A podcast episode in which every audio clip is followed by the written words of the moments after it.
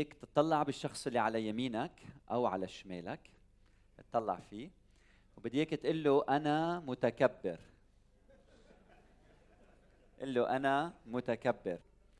أنا متكبر. قلت له؟ طيب. يوم جديد يلي فيه بنقول له يا رب شكلني. يوم جديد يلي فيه بنقول له يا رب أنا بين إيديك اشتغل على حياتي وعلى شخصيتي وشكلني. نقيني حولني لحتى أشبه صورتك أكثر فأكثر. هيدي السلسلة يلي عنوانها شكلني. إذا ما رح تغير حياتنا وتشكلنا في خطر إنه نحن بطلنا عم نسمع لكلام الرب. واليوم موضوعي وأرجو يكون في هدوء في القاعة اليوم موضوعي الشخصية المتواضعة. الشخصية المتواضعة. والموضوع صعب خاصة إنه نحن بنتعلم يلي بنعلم ودرسنا علم الوعظ إن العظة هي الواعظ وأنا بعرف إنه بحياتي في نواحي يلي بتحتاج إلى تواضع واحيانا عندي تكبر ببعض الأمور.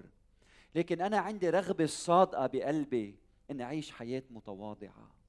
برغب من كل قلبي إني أتشكل على صورة يسوع المسيح بشكل إني أسلك بكل نواحي حياتي بتواضع بتواضع. وإذا أنت غير مقتنع إذا عندك تكبر أم لا بدي إياك تفكر بهالصورة. تصور هلأ أنا بعزمكم كلكم تيجوا توقفوا هون وبعدين آه، تطلع أنت بتوقف معنا وبناخذ صورة كلنا مع بعضنا البعض. وببعث لك هيدي الصورة على على بيتك. لما بتفتح وبيجيك رسالة مني وبتشيل وبتطلع بتشوف الصورة فينا كلنا على مين بتطلع أول شيء صحيح. درست موضوع التواضع هذا الأسبوع وقريت قد ما بقدر أقرأ بالوقت اللي عندي ليل نهار لحتى أقدر أقدم لكم الصورة الأفضل لموضوع التواضع. فأرجو إنكم تاخذوا ملاحظات وهذا الشيء بيفيدنا مش بس اليوم لما بنعلم الآخرين ولما بنساعد غيرنا بمجموعاتنا في مسألة التواضع. فرح أبدأ إني اعطيكم تعريف عن التواضع.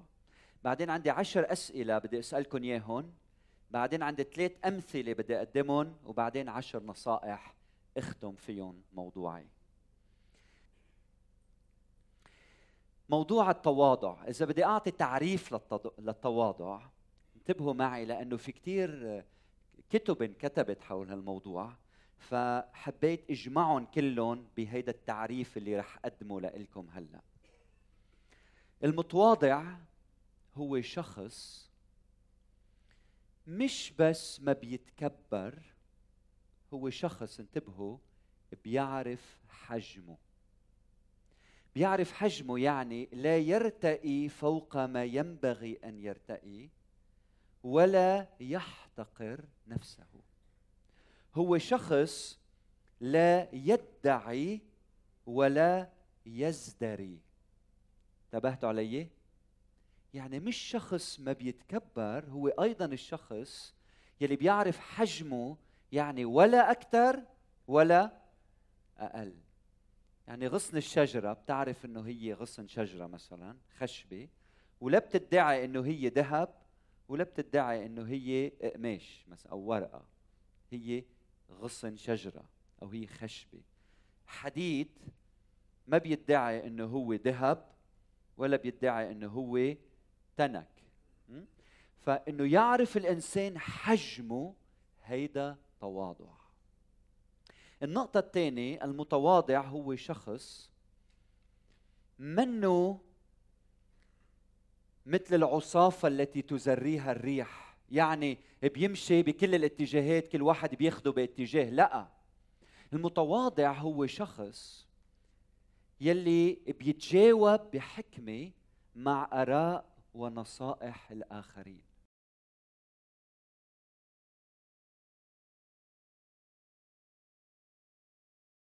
المتواضع هو شخص انتبهوا معي لديه الإرادة إنه يقدم الاحترام والتقدير والاعتبار لكل الناس. وما بيطلب المجد لنفسه. يعني هو شخص باتجاه حياته هو نحو الآخر وليس نحو ذاته. عايش كل حياته كيف؟ نحو الآخر. أخيرا المتواضع هو شخص مش بس بيعرف نقاط ضعفه هو شخص بيعترف بنقاط ضعفه وبيعترف إنه كل مهاراته ومواهبه وإنجازاته وأعماله هي له من الله. يعني هو منه مصدر هالأمور هيدي لا مصدرها الله ولكن هي له. يعني هو بيعرف شو عنده مواهب شو عنده آه، الله كيف عم يتعامل معه بحياته شو عنده مهارات وأيضا يعترف بضعفاته وتقصيراته. هيدا هو الشخص المتواضع المسيحي. شو هي العلامات يلي بتبين إنه شخص متكبر؟ فرح أسألكم عشر أسئلة. افحص حالك في ضوء هالأسئلة العشرة. أول سؤال هل أنت شخص بينجرح بسرعة؟ هل انت شخص بياخذ على خاطره بسرعة؟ إذا الجواب هو نعم لربما السبب إنه الأنا كبيرة بحياتنا صح؟ طيب. اثنين هل انت شخص بيحزن إذا الناس ما استشاروك ما أخذوا رأيك؟ إذا صارت الأمور من دون ما عرفت من دون ما بتعرف هل انت بياخذ على خاطرك وبتاخذ موقف؟ إذا الجواب نعم لربما السبب لأنه الأنا كبيرة بحياتك. هل أنت شخص ما بيغير رأيه؟ ما بتقبل الانتقاد؟ ما بتعترف بالخطأ؟ إذا الجواب نعم ربما الأنا كبيرة بحياتك. هل أنت شخص بتحب تعمل أعمال الخير قدام الناس لحتى الناس يشوفوا أعمالك الصالحة؟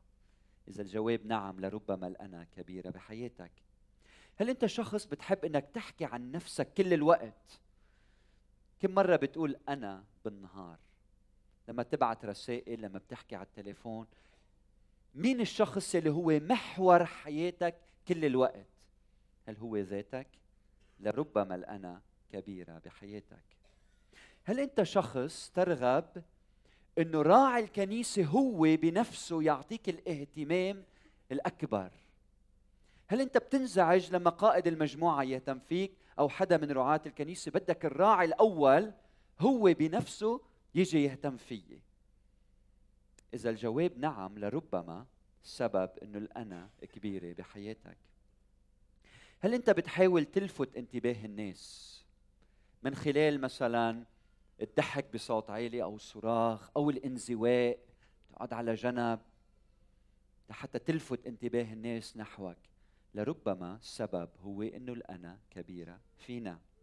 هل أنت شخص بحب يجلس على رأس الطاولة؟ بيعني له هذا الأمر؟ بفتش وين بده يقعد؟ هل أنت شخص بتقاوم السلطة بهدوء أو بعصبية؟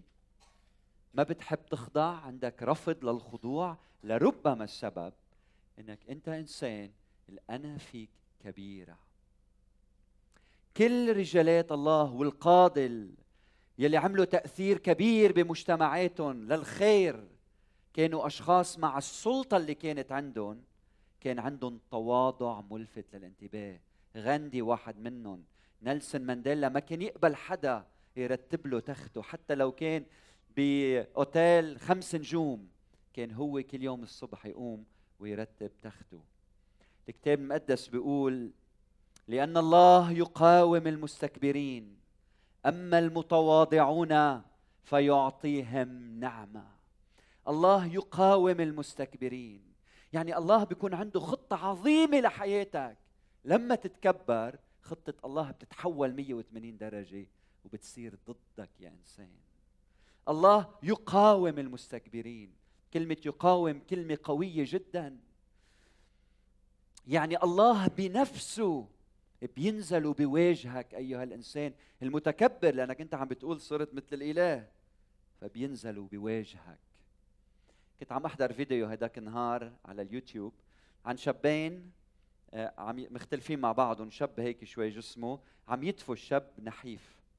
بعدين بتجي بتوقف سيارة بينزل من السيارة رجال ضخم راسه قد الدب وجسمه مثل الفيل. فإجا هيك ووقف بيناتهم وهيدا اللي كان عامل حاله عنتر رجع هيك على لورا وقع على الأرض وهرب وهرب. فلما الإنسان يتكبر قال يقاوم الله المستكبرين. يعني الله بنفسه بيجي وبيوقف بوجهك. وهيدا الإله بقول عنه الكتاب المقدس يلي من وجهه هربت السماء والأرض ولم يكن لهما موضع لم يوجد لهما موضع. اللي بيجي وبيوقف بوجهك. إياك من التكبر. التكبر أمر كثير خطر على حياة الإنسان. ولحتى نتواضع ربما نحتاج إنه نفهم خطورة التكبر. ومن هيك رح أقدم لكم ثلاث أمثلة هلأ بيحكوا عن عن التكبر. المثل الأول من سفر التكوين الفصل الثاني والثالث. كلكم بتعرفوا قصة آدم وحواء. الله لما خلق الإنسان قال له لآدم من جميع شجر الجنة تأكل أما من شجرة معرفة الخير والشر فلا تأكل منها لأنه إن أكلت منها شو بيصير فيك؟ موتا تموت. اجت الحية لعند حواء يلي هي الحية آه، بتعرفوا رمز للإغواء إغواء الشيطان. وبقول وبتقول للامرأة بتقول لها احقا قال الله أن لا تأكلا من شجر الجنة؟ فقالت المرأة لا لا ناكل من كل الشجرات لكن الشجرة الموجودة في وسط الجنة لا نأكل منها لأنه إن أكلنا منها موتا نموت. فقالت الحية هذه الكلمات انتبهوا لن تموتا العدد الخامس بل الله عالم. انتبهوا معي أنه يوم تأكلان منه تنفتح أعينكما.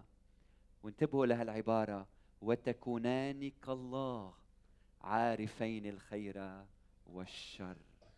فالله يلي خلق الإنسان الله خلق الإنسان على صورته. هيدا آدم. خلق الإنسان على صورته.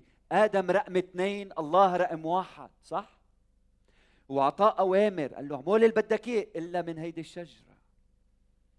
إجت حواء وأغويت من من الشيطان وبعدين آدم وحواء معا عملوا شيء ما كان لازم يعملوه. قالوا بدنا ناخذ المركز الأول. وأكلوا من شجرة معرفة الخير والشر لحتى نصير مثل الله. وكانت النتيجة أن الله طرد الإنسان من الجنة. كلمة الله بتقول بسفر الأمثال انتبهوا لهالعباره كبرياء الإنسان تضعه ووضيع الروح والوضيع الروح ينال مجدا. كبرياء الإنسان شو النتيجة؟ تضعه والوضيع الروح ينال مجدا. مقابل هيدي الحادثة في حادثة أخرى. هي حادثة الرب يسوع المسيح بفيليبي الفصل الثاني. بقول الكتاب المقدس الذي إذ كان في صورة الله. فيسوع المسيح منه مخلوق على صورة الله هو صورة الله. هو صورة الله غير المنظور. فيسوع المسيح هنا هو صورة الله غير المنظور.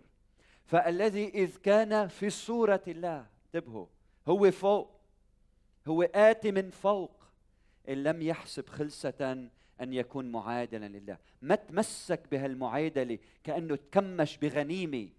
لكنه أخلى نفسه. آخذا صورة عبد صائرا في شبه الناس وإذ وجد في الهيئة كإنسان وضع نفسه وأطاع حتى الموت موت الصليب. يسوع المسيح تواضع وكانت النتيجة أن الله رفعه أيضا وأعطاه الاسم الذي يفوق كل الأسماء. كبرياء الإنسان تضعه. والوضيع الروح ينال مجدا.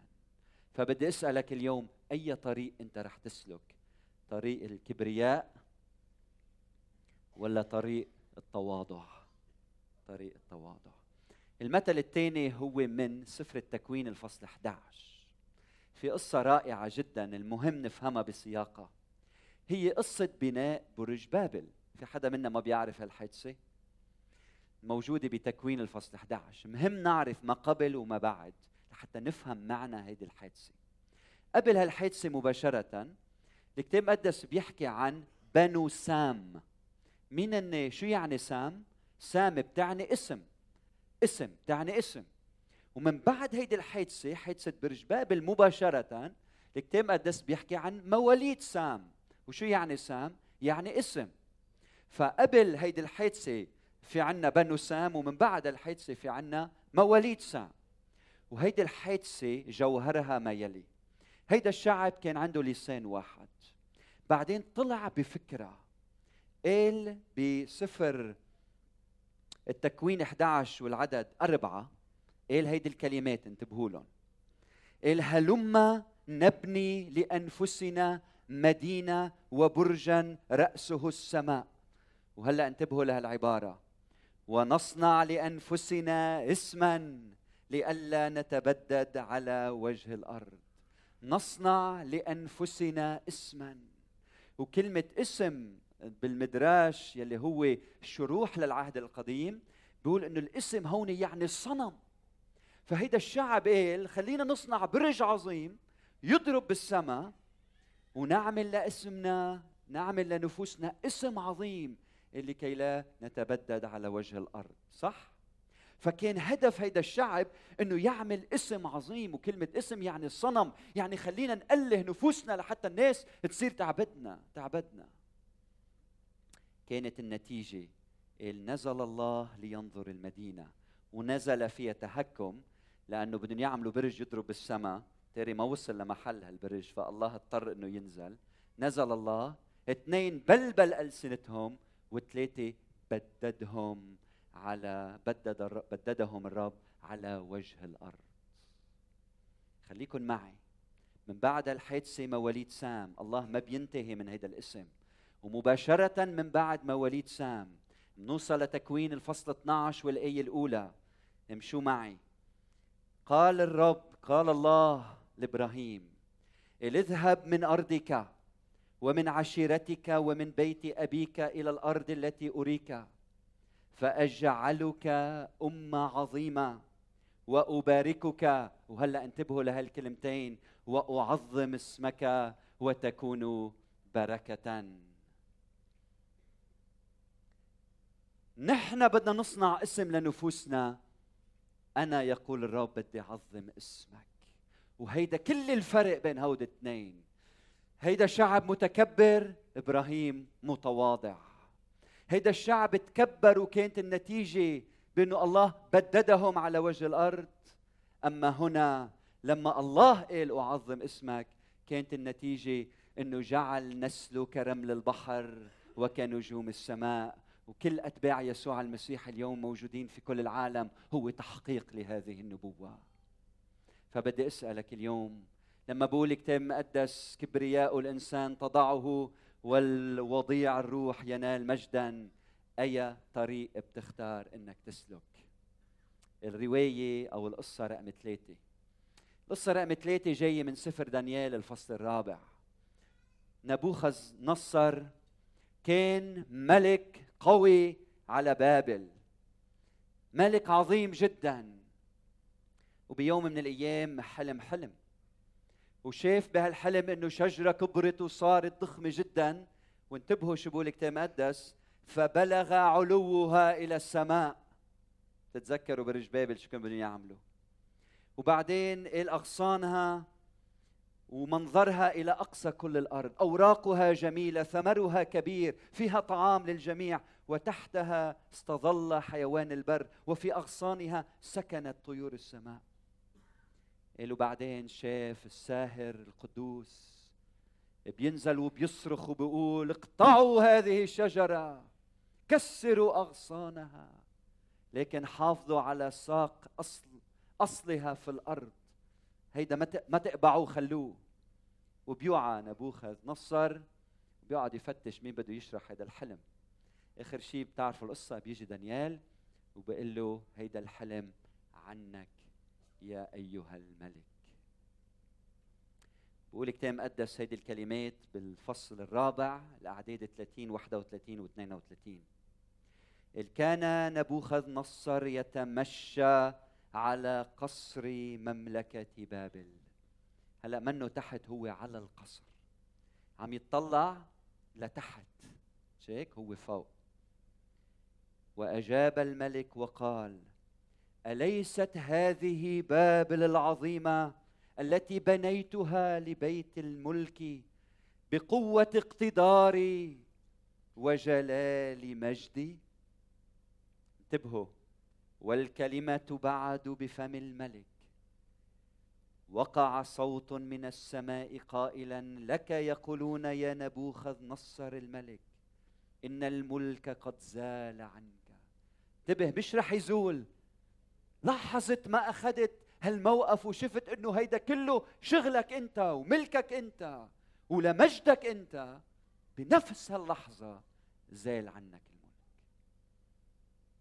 ويطردونك من بين الناس وتكون سكناك مع حيوان البر ويطعمونك العشب كالثيران فتمضي عليك سبعة أزمنة حتى تعلم أن العلي متسلط في مملكة الناس وأنه يعطيها من يشاء.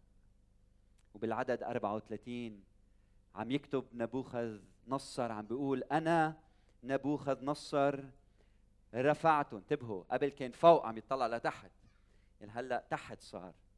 إن رفعت عيني إلى السماء وبنفس اللحظة فرجع إلي عقلي. وباركت العلي وسبحت وحمدت الحي إلى الأبد الذي سلطانه سلطان أبدي وملكوته إلى دور فدور.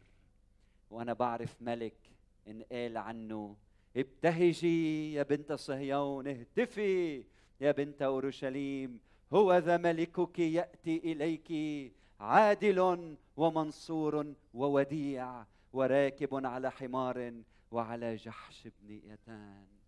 أخوتي ملكنا ولد في مزود. هاليلويا. ملكنا ولد في مزود. وكانت النتيجة أن الله رفعه أيضا. أجلسه عن يمينه في السماويات فوق كل رياسة وسلطان وقوة وسيادة وكل اسم يسمى. ليس في هذا الدهر فقط بل في المستقبل أيضا.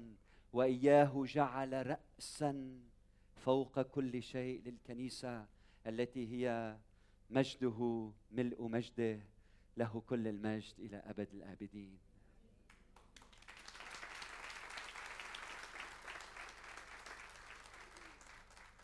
كبرياء الإنسان تضعه والوضيع الروح ينال مجدا. أي طريق بتحب تسلك في هذا الصباح؟ ماذا يجب أن أفعل في عندي عشر نصائح لنا جميعا. أرجوكم تنتبهوا لهم تكتبون عندكم علموهم عيشوهم تعلمون نتعلمون مع بعض لخير الكنيسة ولخير جسد المسيح ولنمو عمل الله بيننا. أول أمر اعرف نفسك اعرف قيمتك. هيدي شغلة ما فينا نطلع منها هي أهم نقطة لأنه المتواضع هو متواضع لأن التواضع ينبع من القوة الكامنة فيه والأمانة الموجودة من داخله. فاللي ما عنده أمان داخلي شو ما تعمل ما بيقدر يتواضع. إما يتكبر إما يحتقر ذاته وما بيقدر يعيش بتواضع حقيقي. فاعرف قيمتك بيسوع المسيح. أنت بتاخد قيمتك مش من الخدمة اللي بتعملها. ولا من الصوت الحلو اللي عندك ولا من طريقة تعاطيك ولا من مركزك ولا من مالك. قيمتك بتاخدها إنك مفدي بدم الرب يسوع المسيح. إنك أنت ابن ملك الملوك. إنك أنت ولد من أولاد الله. إنك أنت في المسيح يسوع. إنك أنت خليقة جديدة. أن تكون هيدا اللي بخليك تكون إنسان متواضع. أن تكون في المسيح. فأول نقطة اعرف قيمتك بيسوع المسيح. وكيف بتعرف هالشي؟ لما تقضي وقت ببيت بيك. الابن لما بيقضي وقت مع بيه وعم نحكي عن البي السماوي الصالح بيعرف قيمته. بيعرف قيمته. لأنه الله الآب هو بيعكس صورته فينا. لما أنا بقعد قدام إلهي بعرف قيمتي في المسيح. واحد اثنين. اطلب العلم باستمرار.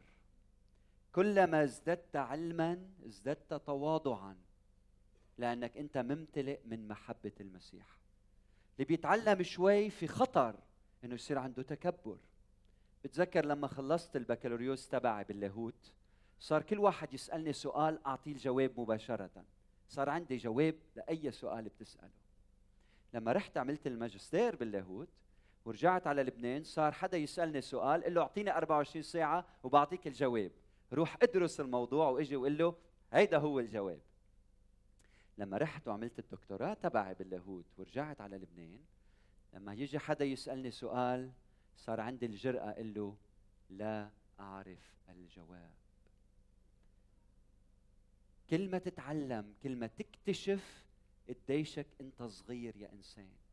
وإذا بدك ربنا يضحك عليك قل له قديش أنت بتعرف. قل له قديش أنت بتعرف. بقول الشاعر ملء السنابل تنحني بتواضع والفارغات رؤوسهن شامخة. رؤوسهن شامخة. امتلئ من معرفة الكتاب المقدس. رأس الحكمة مخافة الرب. قريت علم إذا سألتك اليوم شو هو الكتاب اللي قريته هالأسبوع؟ شو بيكون الجواب؟ الفيسبوك منه قراءة. يوتيوب منه قراءة. تلفزيون مش قراءة. خود كتاب قريت عمق تأمل دروس. العلم بيساعدك تعيش بتواضع لأنه كل ما عرفنا أكثر كل ما اكتشفنا قديش القليل يلي بنعرفه. الأمر الثالث استغل كل فرصة المتاحة أمامك لتخدم الآخرين لتخدم الآخرين. كل ما تلاقي فرصة للخدمة خدوم. هلأ طلبت من حدا شخص من شخص شغلة من شوي وهو مش دوره يعملها ولا مسؤوليته يعملها. لكن بكل تواضع استغل هالفرصة لحتى يخدم. استغل كل فرصة للخدمة. بيوحنا 13 المسيح شو عمل؟ مين بيعرف؟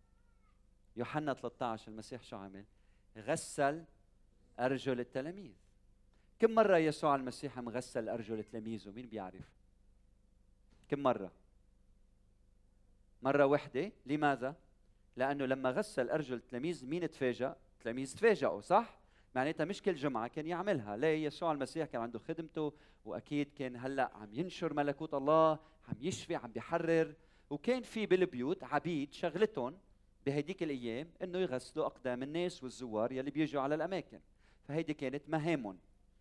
لكن بهالوقت هيدا لما اجى الرب يسوع المسيح والتلاميذ واضح إنه هيدا العبد ما كان موجود. الهيئة إنه كان آخذ فرصة أو إجازة أو يمكن ما كان يطلع لهم أو كان مبعوث إنه يقوم بمهمة معينة أو كان مريض أو صار معه حادثة معينة. فما كان في حدا يغسل أقدام التلاميذ. وبنقرا بالنص إنه المسيح إنه الرب يسوع المسيح قام عن العشاء اتذر بمنشفه وضع ماء في مغسل وابتدأ بانه يغسل أرجل التلاميذ. لما وصل لعند بطرس شو قال له بطرس؟ حاشا يا رب ما بقبل تغسل لي إجري. يسوع طلع بعيني بطرس برأيي وبطرس فهم عليه. وكان سؤال يسوع المسيح لما جينا لما دخلنا على هالمكان ليه ولا واحد منكم. قام غسل ارجل السيد.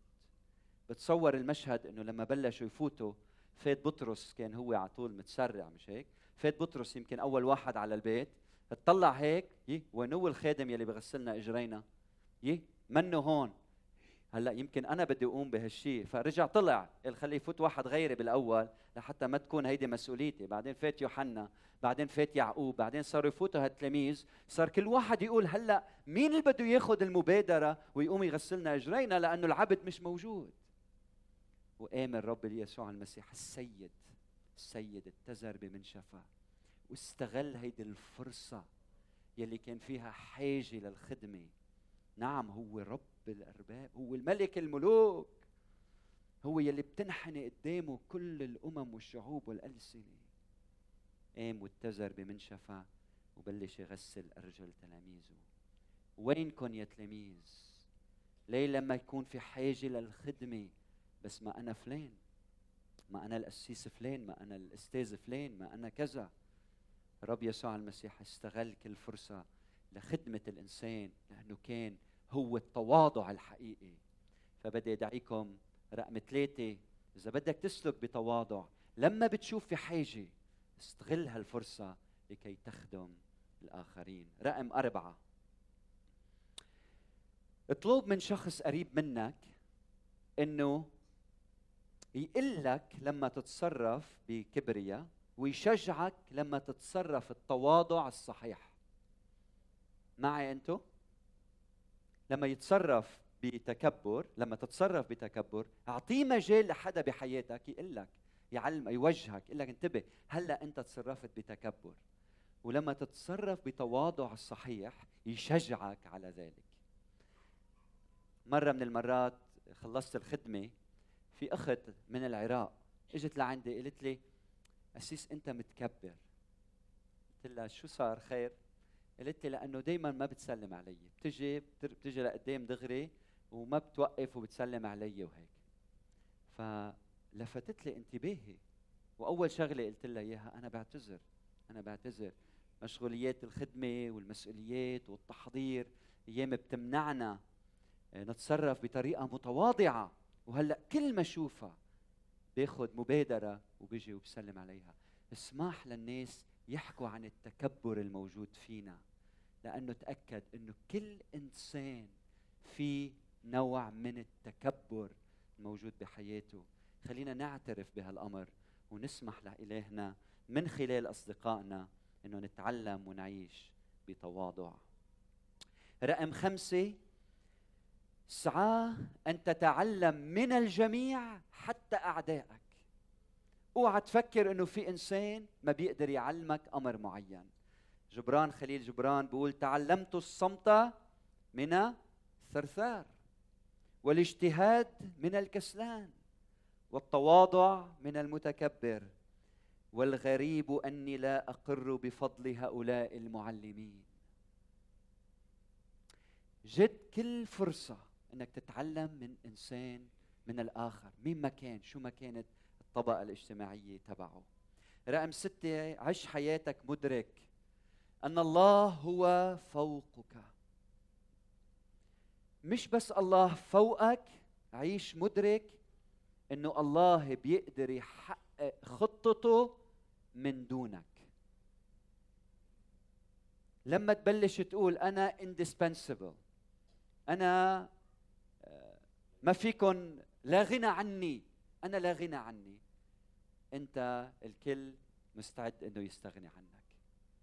ولما بتعيش حياتك نعم أنا في غنى عني.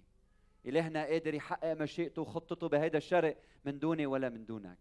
ومن دونك ساعتها بتعيش وبتسلك بتواضع. رقم سبعة تجنب إنك تتكلم عن نفسك. تجنب إنك تتكلم عن نفسك. وجد الفرص لتمدح الآخرين وتشجع الآخرين على ما يقومون عليه أو به. سي إس لويس الفيلسوف والمسيحي المشهور بيقول humility بالإنجليزي وهلا مترجمها للعربي بقول humility is not thinking less of yourself but thinking of yourself less. يعني التواضع ليس أن تفتكر أقل بنفسك تحتقر نفسك بل التفكير في نفسك أقل. فعيش نحو الآخر. هيك بتعيش بتواضع. رقم ثمانية حارب الكبرياء يوميا في حياتك. اوعى تقول أنا من سنتين صليت والرب أعطاني تواضع وهلأ كل شيء ماشي تمام. لأ كيف الشعر الراس؟ شعر الدقن. كل يوم بيطلع شوي. وإذا ما بتسمح لشفرة الروح القدس إنه تحلق هالكبرياء يوميا. انتبه. منصير متكبرين من دون ما نعرف. من هيك في ضرورة فحص الذات بشكل يومي. رقم تسعة. كل مرة تقعد تتصلي اطلب بركة مضاعفة على الآخرين. إياك تتعود تصلي لنفسك وذاتك بس. كل ما تقعد تصلي حتى لما تصلي لأولادك تصلي لزوجتك صلي لزوجتك بعدين اطلب بركة مضاعفة على عائلات أخرى في الكنيسة. لما تصلي لكنيستك صلي لكنائس أخرى. لما تصلي لجيرانك صلي لشعوب أخرى. فهمت علي؟ اطلب باستمرار بصلاتك صلاه مضاعفة. يا رب أعطيتني هالقد أعطيه خيي هالقد. قديش حلوة لما تصلي وتقول يا رب بارك خيي أكثر مني. شو حلوة هالصلاه وأخيرا إن كنت تتألم اشكر الله.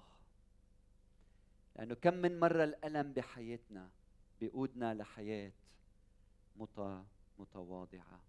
هلأ بدي منك تلتفت للشخص اللي حد منك وتقول له أنت متواضع. انت متواضعة.